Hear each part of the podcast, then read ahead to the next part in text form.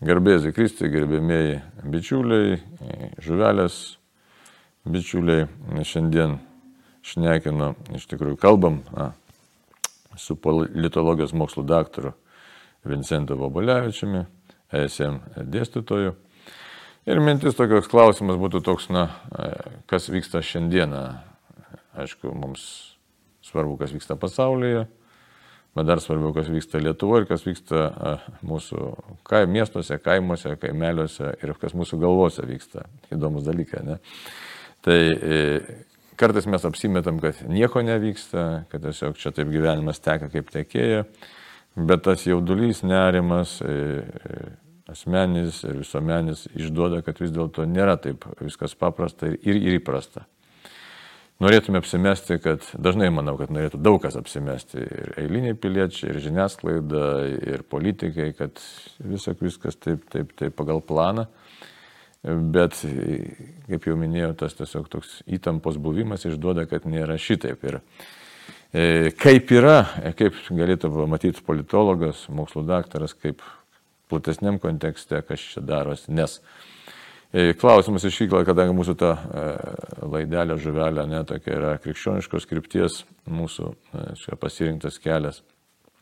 Tai krikščionims irgi labai svarbu klausti, kas, kas dabar, ką daryti, į ką žiūrėti, orientuotis, Ir, ir matom ką, matom labai daug susipriešinimo, ne?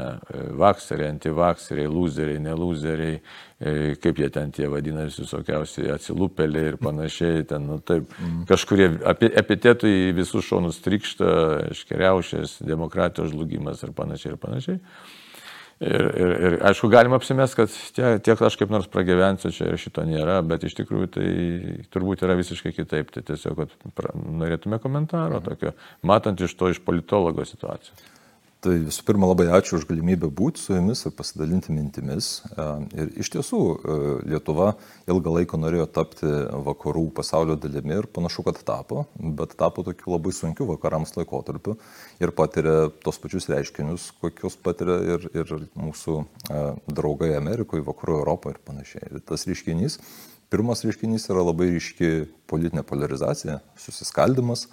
O antras, galbūt dar blogesnis, sunkesnis dalykas, tai yra kalbėjimusi pabaiga.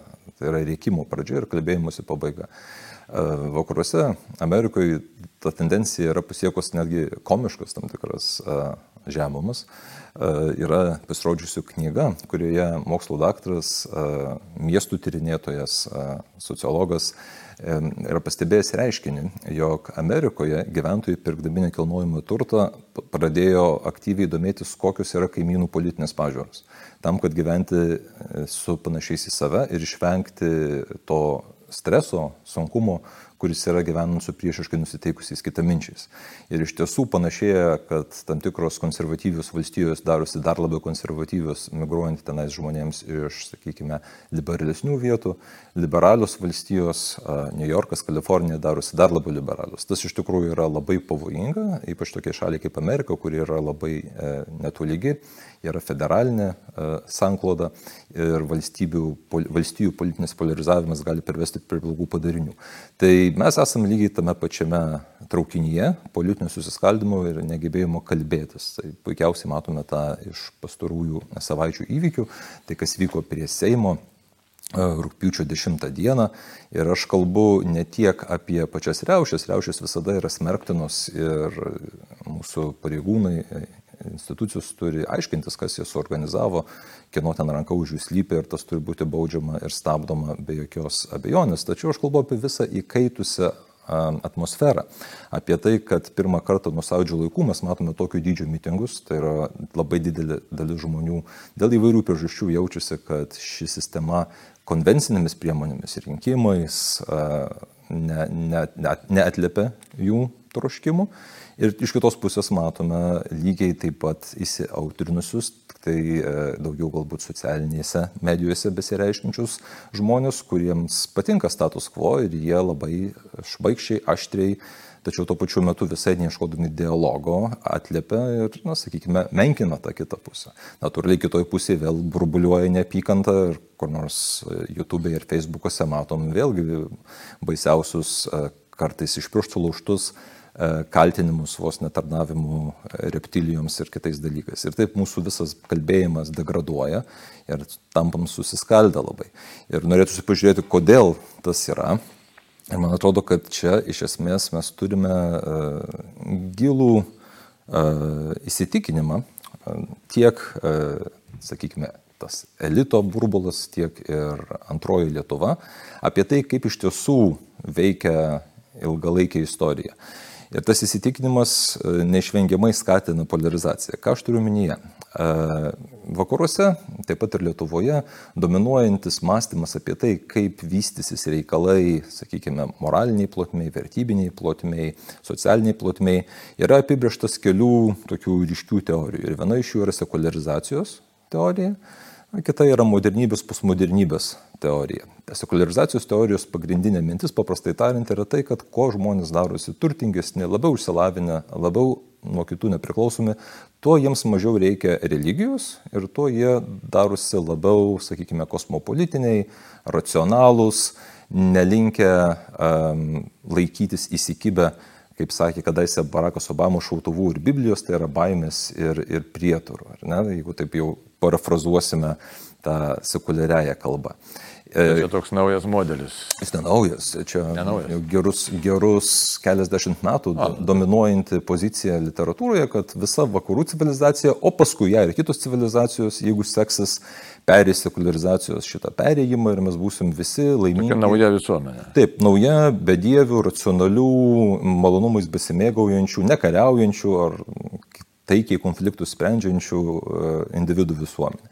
Ir yra dar vienas variantas atmaina, arba toks irgi svarbus e, indėlis iš postmodernizmo perspektyvos į šią diskusiją. Tai būtent tai, kad e, toji išsilavinusi, pasiturinti, apsišvietusi visuomenė e, nustos dėti prioritetą ant vertybių ir institucijų ir normų, kurios skatina išgyvenimą, nes ir taip išgyvenimas nebus problema, ir taip busim visi turtingi, sveiki ir išsilavinę ir pradėsime akcentuoti saviraišką, individualizmą, e, visiškos individuo laisvės ir autonomijos siekinį. Ir e, šitos teorijos galbūt neišdėstytos moksliškai, tačiau vieno, vieno ar kito anegdoto pavydalo, aš manau, gyvena labai daugeliu žmonių, tiek tikinčių, tiek netikinčių e, galvose.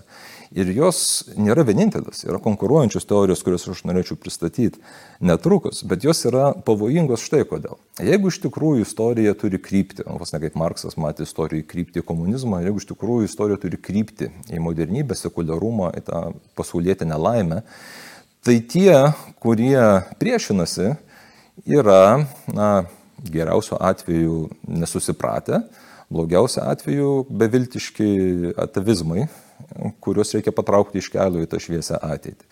Ir iš tiesų, jeigu daugiau švietimo padarys žmonės pakantesniais, racionalesniais, laimingesniais, tai reikia žmonės šviesti ir neliks tų loserių, sakykime.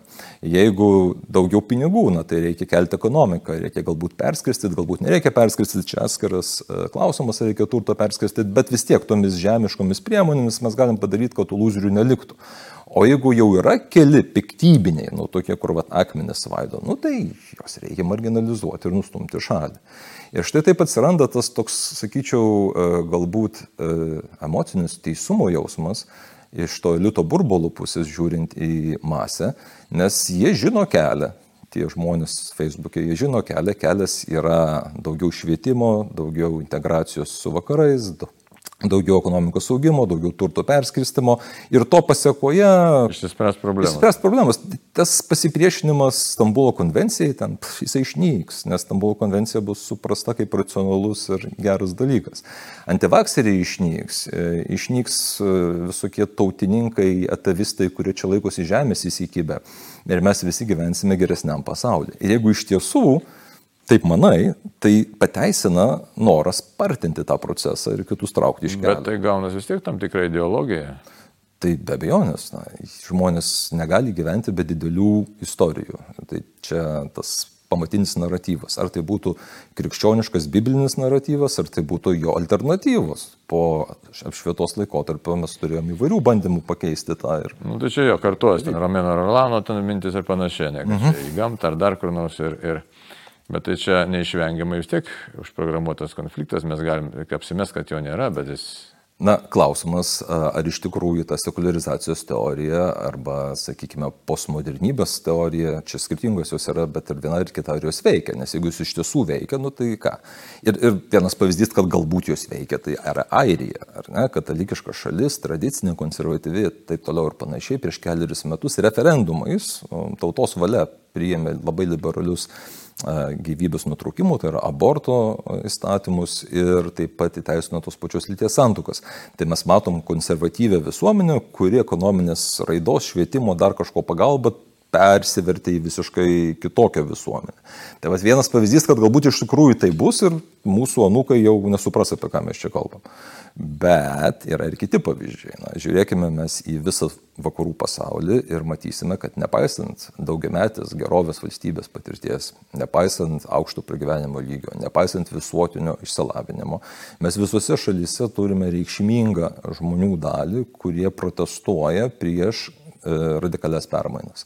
Ar tai būtų masinė migracija, ar tai būtų šeimos savokos keitimas, manif portų Prancūzijoje pavyzdžiui, ar tai dabar prieštaravimas e, skiepų e, labiau griežtam įvedimui. Visada yra grupė žmonių, kuri, nepaisant to, kad to šalis jau yra pasiekusios tai, ko mes siekiam - įsilavinimą, gerovę, vis tiek sukyla. Ir čia tada klausimas galbūt iš tiesų tai nėra vien tik tai ar pagrindė ten švietimo ir ekonominio turtingumo klausimas, o galbūt yra tiesiog tam, tikras, tam tikri įgimti dalykai, e, kurie lemia žmonių laikyseną naujovių ir radikalių permanų klausimų. Ir čia man vat ateina į galvą vieno New Yorko universiteto, man labai mielo universiteto profesorius, e, socialinio psichologo Jonatano Haito ir kitų tyrimai, apie tai, kad žmonių e, charakteris, ne vien temperamentas, tas jau seniai žinoma, bet taip pat netgi ir tam tikros moralinės laikysenos ir politinės pažiūros, netgi konservatyvesnis, liberalesnis, priklauso iš dalies nuo tam tikros įgimtos instrumentuotės. Žmonės negimsta visi kaip baltas popieriaus lapas, kas yra didžiausia nesąmonė beje socialiniuose moksluose, kad mes gimstame balti popieriaus lapai, jau tada visuomenė ant mūsų piešia ir jau padaro iš mūsų žmonių. Mhm. Ne, mes atsinešam labai daug gimdami su iš prigimties. Ir vienas iš dalykų, kuriuos mes atsinešam, na, daug kas atskirus teorijos, yra orientacija į permainas. Ir žmonės skiriasi tuo, kiek jie linkia tų permainų toleruoti. Sakykime, yra žmonės, kuriems tik duok naują restoraną mieste, nes nori pabandyti naujovių atsimenu momentą, buvau komandiruoti su kolegė ir nuėjom vieną vakarą papietauti, geras, malonus restoranėlis, kitą vakarą jinai sako, kur eisim, sakau, nu, kaip kur eisim. Ten radom gerą vietą. Jis sako, tu ką išprotėjai, ir tiek restoranų šitą mieste, tu nori grįžti tą patį, reikia bandyti naują. Tai čia jokinga apie restoranus, bet gali būti ne tik apie restoranus, gali būti apie tavo kaimynus, jeigu tavo kaimynai labai skiriasi nuo to, prie ko tu esi įpratęs. Kaip matome šalyse, kurios turi daug imigracijos, tai viena karta praeina ir rajonas, kaip jisai atrodė vaikystėje, yra visai nepanašus į tą rajoną, koks yra dabar. Vieniems žmonėms ta permaina nesukels didesnio diskomforto, gal netgi kažkokį pasitenkinimą. Kitiems žmonėms sukels atmetimo reakciją. Ir tikėtina, kad jie sukels ne dėl to, kad jie neišsilavinę, tie žmonės puikiausiai gali dirbti sėkmingai darbo rinkoje, tiesiog iš vidaus jie to nepriims. Ir, o kodėl? O todėl, kad žmonės ir truputėlį skirtingai apdovanoti gimimo metu. Visada. Aš, ar ar nėra čia dar gilesnė tokio dalyko, aš net ne, per daug nutrauk minties, mm -hmm. bet mhm. Bet žiūrėk, čia keli dalykai tokie yra kyla. Mes kalbame, sakom, žodį išsilavinimas. Čia labai silpna vieta, šilmas argumentas yra, nežinai, kai nesusišneka žmonės, paprastai emocijų kalba kalba tada, kai pritrūks argumentų. Uh mhm. -huh. O, reiškia, dabar išsilavinimas jisai supras, suprantamas visiškai kitaip, negu, sakysim, buvo prieš 50 ar prieš 100 metų. Reiškia. Uh -huh. Tai va, irgi yra, dabar išsilavinimas yra žinių kiekis, ne kažkas. Uh -huh. E, bet nėra moralinių vertybių. Dabar kitas dalykas, jeigu kalbant apie naujos visuomenės kūrimą, mes jau turėjom įvairių visuomenės kūrimo modelių. Mm. Ir dabar ryškiausias galėtų būti mūsų netas mm. Markso ir jo pasiekėjų visas marksistinės tas, sakysim, šleifas, tvanas, ar kaip mes jį galim pavadinti, kai buvo bandoma sukurti visuomenę ir kaip ne, nevykusiai tas visas gavosi. Tai dabar, mm. nes kartais ga, atrodo šitaip, kad tie, kurie nori naujovių, kad jie yra labai pažangiečiai, mm. o tie, kurie nenori naujovių, jie yra blogiečiai. Na tai čia yra to naratyvo, e, to, tos istorijos, kurią aš pristačiau dalis, nes tie, kurie nori naujovių, eina į esą šviesų rytojų, o tie, kurie stabdo, tai nori išsaugoti savo privilegijas ir sugražinti tam, tam vakar dieną. Bet aš einu linko, kad taip nėra. O dėl jūsų klausimų apie švietimą, tai iš tiesų, čia tas pats Haitas turi labai gerą pavyzdį, vat, kaip veikia protas ir tie mūsų troškimai, kuriuos mes irgi atsinešam gimdami. Tiesiog įsivaizduok žmogų, kuris uh, vairuoja dramblį, sėdi ant dramblio galvos ir jį važnyčioja. Ir žmogus yra protas, o dramblys yra visi mūsų tie troškimai. Ir taip, žmogus didelių pastangų dėka gali tą dramblį nuvairuoti, kur reikia. Bet jeigu dramblys ištroškęs ir šalia yra vanduo, ar dar blogiau, jeigu dramblį rūja ir šalia yra patelė, tai jį vairuoti darosi neįmanoma arba labai labai sunku. Ir šiuo atveju švietimo vaidmuo tai būtent sugebėti tą dramblį apmarinti ir vairuoti ten, kur reikėtų vairuoti. Ir šiuo atveju humanitarikos e, mirtis, sakykime, Aš irgi ilgą laiką buvau skeptiškas truputėlį humanitarinių mokslų atžvilgių, bet dabar pastaruoju metu atsiemu savo ankstesnį skepsį. Tai yra mirtis gebėjimo susidurti su skirtingomis idėjomis, kurios iš pažiūros yra sunkiai priimamos ir išmokti su jomis gyventi. Ką mes matom vakarų kai kuriuose universitetuose, bandymus iš studijų programų išimti tam tikrus kūrinius dėl to, kad jie yra pernelyg E, skaudinantis, pernelyg šokiruojantis, pernelyg politiškai nekorektiški. Ir tada mes turim žmonės, kurie yra galbūt labai techniškai rafinuoti, galbūt e, mokantis e, atlikti kokybiškai įvairias užduotis, bet nemokantis sėdėti su savo sunkia mintimi ir nepulti naikinti tos minties šaltinių. Nes jeigu tu gali išimti knygą ir sakyti, mes šitą knygą naikinam, nukensilinam dėl to, kad jinai yra nu, mums nepatinkanti. Tai yra siaubingas dalykas, ką tu gali išmokinti. Ir cancelinti, nunaikinti. Nebūtina uh, formaliai uždarant, uh, išimant knygą iš bibliotekos, galima tiesiog nustoti akcentuoti tam tikrus dalykus. Nustoti akcentuoti tą tokią humanitarinę diskusiją ir palikti labai technokratinį švietimo profilį. O žmogus ant to dramblio vis tiek sėdi. Tas dramblys vis tiek nori eiti. Ir kuris jis nori eiti, jis nori sutrypti tą, kuris tau kelia skausmą. O tau skausmą kelia tas, kuris turi kitokią nuomonę. Ir tada tu pasitelkęs visą savo techninę galę, tu jo netramdai, o tu eini ant to ir įtripi ir tas yra labai labai blogai. Bet jeigu iš tiesų, kaip vat, sako tos alternatyvos teorijos, visuomeniai yra reikšminga dalis, kuri e, nepriima šitų e, permainų, tiesiog iš principo nori stabilumo, nori tradicijos testinumo, tai tada ir jinai nedings. Vien dėl to, kad pabaigs uh, kokią nors technokratinę specialybę ir užsidirbs daug pinigų. Nu kodėl, žiūrėk, bolševikai Jis įsteigė lagerius, nacijai taip pat. Na. A, o, jo, jo. Tai mes tada galime eiti prie lagerių. Ir žinai, nu čia iš tos psichologinės pusės, va tos Haito ir kolegų pusės, galima būtų taip svaigti, bet jau čia čia skamba siubingai. Nu tai jeigu tu paimi tą vaiką su visom jo gimtom tendencijom ir jį nuo vaikystės ugdai pionierium, gal išugdysi. Bet įsivaizduojat, koks čia turi būti totalinis visuomenės perauklėjimas. Čia totalitaristinis projektas, kur vaikui nuo pat mažumės tada turi būti kalamos visai kitos idėjos, kad e, prisirišimas prie tradicijos ir gyvenimas ją yra blogas dalykas, kad e, ekstremalių atveju prisirišimas prie gamtos duotybių, tokių kaip tavo lytis, pavyzdžiui yra nesvarbus dalykas ir netoleruotinas tam tikrais atvejais. Ir taip, ne taip, bet galbūt, jeigu mes įvestume tokią sistemą, kur vaikai nuo mažumės būtų mokomi atsisakyti tam tikrų savo įgimtų instinktų, tada galbūt pasiektume sėkmę. Bet tai čia jau yra, čia jau yra lagerių lygis. Nu, nebūtinai tave elektrošokais kankins, bet įvairiais stumtelėjimas, sakykime, iš, iš aukščiau esančių. Tai, va, tai mums to, jeigu iš tikrųjų modernizacija ir sekularizacija ir postmodernių vertybių įsigalėjimas nėra vienintelis ar net pagrindinis aiškinimas, kaip veikia pasaulis, ir jeigu žmonės turi įgimtą norą uh, išsaugoti, ne visi žmonės, bet dalis, bent jau reikšminga dalis žmonių, turi įgimtą norą išsaugoti stabilumą savo aplinkoje, tradicijas, testinumą ir taip toliau, tai tada mes turim konfliktą, kuris nesibaigs. Čia nėra taip, kad praeis kelios kartos ir viskas išsispręs. Reikia kalbėtis. Ir šitoje vietoje, nu, man atrodo, kad katalikai pirmą turi irgi nepulti nevilti. Nes jeigu tu persijimi to modernizacijos naratyvų, tai iš tikrųjų, nu kur aš, nu, tai čia aš esu beviltiškai atsilikęs. Bet ir gimsta vidinis konfliktas tarp tavo įsitikinimų, kuriuos gauni bažnyčios mokymo taip, taip, taip. ir to, ką tau Tada pasiūlo. pradedi ieškoti visokių kompromisų, kaip čia esą suderinti ir, ir, ir tada pats gyveni tokį susiskaldžiusi gyvenimą, nežinai, kaip, kaip bus su tavo vaikais ir tada nu, toks labai nelaimingas esi. Bet aš manau, kad žinodami, kad tas traukinys sekularizacijos ir postmodernybės e, toli gražu nėra vienintelis traukinys, kuris važiuoja, važiuoja kiti traukiniai, važiuoja įgimtas žmogaus polinkis, konservatyvumai kai kurių žmonių, važiuoja demografiniai dalykai konservatyvių žmonės, tikinti žmonės visur statistiškai turi daugiau vaikų.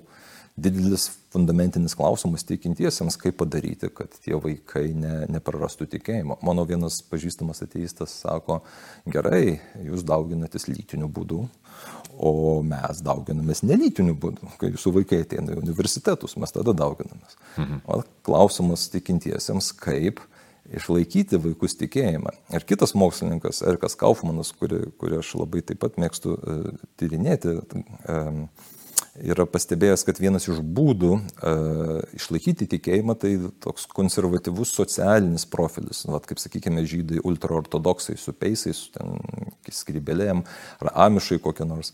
Tu sukonstruoji tiek socialinių barjerų, kad tikėjimo atsisakymas yra nepakeliamas psichologiškai, nes tu turi atsisakyti ir aprangos, ir mytybos, ir bendruomenės, ir visko. Tada niekas neišbėga, ar labai mažai kas išbėga.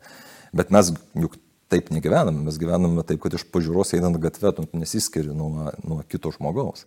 Ir manau, kad didysis klausimas tikintiems žmonėms yra, ką daryti, kad mūsų vaikai išlaikytų tikėjimą. Jeigu taip, tai tada nu, modernizacija yra teorija molinės kojos bent vienos mūlinės kojos ir ateitis toli gražu nepriklauso, tai marksistiniai, ar sakykime, nu, marksistiniai gal per daug siaurai, bet autonomizuotai, autonominių individų visuomeniai, o katalikiškos bendruomenės turi ten reikšmingą vietą. Tai aš manau svarbus klausimas, kaip mes išlaikom vaikus tikėjime. Svarbus pamatinis nusiteikimas, kad pasaulis nesibaigia, Nu, mes jau žinom iš bažnyčios mokymo, kad jau Jėzus nugalėjo, bet va, šitam sunkiam etapė pasaulis nesibaigia, istorija nesibaigia ir netgi kai kurių tyrimų ir mokslininkų manimų 21 amžius sekuliariausiose pasaulio vietose, vakarų Europoje, Šiaurės Amerikoje, ypač vakarų Europoje, gali tapti religijos atgimimo amžiumi. E, dėl demografinių momentų, kuriuos minėjau, ir dėl to fakto, kad dabar daugelis e, tikinčių žmonių, tokiuose vietose kaip Londonas, Berlynas, didmeščiuose, nėra vargšai valstiečiai, kurie tiki dėl to, kad nesupranta, kaip veikia gamtos dėsniai ir turi melstis lietaus. O tai yra žmonės, kurie puikiai įsilieja į socialinį, kultūrinį kontekstą, dirba, uždirba, bet tuo pačiu metu tiki ir turi ten tos savo tris vaikus ar kiek ten. Tai yra naujas reiškinys, kurio mes anksčiau, kokiam 19 amžiui, 20 amžiaus pradžioj turėjom nedaug, o dabar jos, jis auga. Tai vilties yra. Ir dar galėtume ne dar e, tokį pastebėjimą savo padaryti, ne, kad e, tarp tų visų važiuojančių traukinių, net ant tų modernizacijos ir, mhm. ir tokio gerbuvio gyvenimo, e, vis dėlto reiktų pripažinti, kad tas žmogaus klausimas lieka neišspręstas. Suprant. Čia yra esminis dalykas, kažkaip visi bando jį apeiti. O iš tikrųjų tai tas vidus už tai ir verda, kad e, tas yra vidus šaukiantis, kad aš noriu būti. Ir būti kuo. Ir žmogus nežino, kuo nori būti. Čia. Ir kas gali tai atsakyti šiandieną. Iš tikrųjų niekas negali atsakyti, kuo aš turiu būti, kas aš esu. Žinai. Tai kol, kol, kol mes ignoruosime šitą klausimą, tai man atrodo, čia mes turėsim visą, visą kaip sakyti, kaip ir vyksta žmonė, nesusišnekėjimo visą eilę. Ir, Ir taip jau tiesiog yra. Ir gal su to irgi kažkaip reikėtų, kas prisima vienokį atsakymą, turėtų drąsiai sakyti, aš, aš, aš sprendžiu savo gyvenimo problemą šitaip, o kiti irgi turėtų nebėgti nuo tos problemos ir prisipažinęs. Dabar psichiatrai, psichoterapeutai turi begalę darbo, ne, ne ten, žiūrėk, visuomeniai bando atlaisvinti ten narkotikų kažkokį tai legalizavimą ir panašiai, kad žmogui palengvinti kažkokį tai emocinį ir kitokį krūvį. Tai. O vis dėlto visi tie susipriešinimai, tai dėl ko, štai, kad mes nerandam formulės žmogaus. Bet ironija yra ta, kad mes jos nerandam, bet mūsų pamatinis tas mąstymas yra, kad kiekvienas turi pats jas susirasti. Tam tikram lygmenį taip, nu, protestantai sako, aš susitikau Jėzų asmeninėje patirtyje, katalikai tai irgi išgyvena, ar ne? Bet vis tiek, tu žinojai, kur tu, ieš, kur tu ieškai, tu žinojai, ko tu sieki daugiau mažiau ir po to ten jau asmeninis išgyvenimas, atsivertimas asmeninis įvyko. Tačiau dabar sekuliarioje visuomenėje tai ta vizija yra tokia, kad nieks tau negali pasakyti, kaip ko gero yra. Tu pats esi laisvas kurti. Tai mes turim klausimą, į kurį niekas nepateikia įtikinimo atsakymų ir tada sakom žmogui, eik susirask savo manimu. Na tai žmogus nepajėgus vienas, be kitų pagalbų. Ir laiko per mažai. Laiko ja. per mažai ir galiausiai spjauni tą, pradedi anestezuotis, kad neskaudėtų, ar tai alkoholiu, ar tai per nu, darbų, karjerų siekimu. Ir gyvenimas toks, nu žinai, esi biologinis organizmas, kuris juda link kapo ir stengiasi per daug apie tai negalvoti, kad neskaudėtų. Ir kapas tai, tai tikrai mažas dalykas, bet prasmės klausimas. Nu, žinai, meilė, kokia čia meilė yra cheminės reakcijos smegenyse taškas. Ir gyvenk su tuo, ar ne? Tai aš manau, kad tie žmonės, kurie a, turi privilegiją būti tikinčiais, yra labai laimingi, nes tikėjimas saugo nuo šitos beprasmybės, kurios pakelti joks žmogus negali, bet jie taip pat turi ir tą įpareigojimą, tikėjimą savo puoselėti, praktikuoti ir gryninti, kad jisai nepauktų prietarais ir kad būtų nu, toks aštrus tikėjimas. Susipažinti su tuo, ką moko bažnyčia ir, ir, ir neužmygti už vairo. Na, ir, ir ką tada? Kantrybės daug susišnekėjime, O taip, Dieve duok, Dieve duok, mylėti priešus, tuo pačiu metu nemėtyti perlų keuliams. Sudėtingi uždaviniai. Amen. Amen. Tai ką dėkojom gerbiamajam politologijos mokslo daktarui Vincentui Vabalevičiui. Tikrai už tai tokį na, pristatymą mus. E, ką galim pasakyti dar apibendrinti, kad tenka mums, kaip ir gal kiekvienai kartai, nelengvi uždaviniai ir Dieve padėk juos spręsti. Taigi ačiū labai. Ačiū Jums.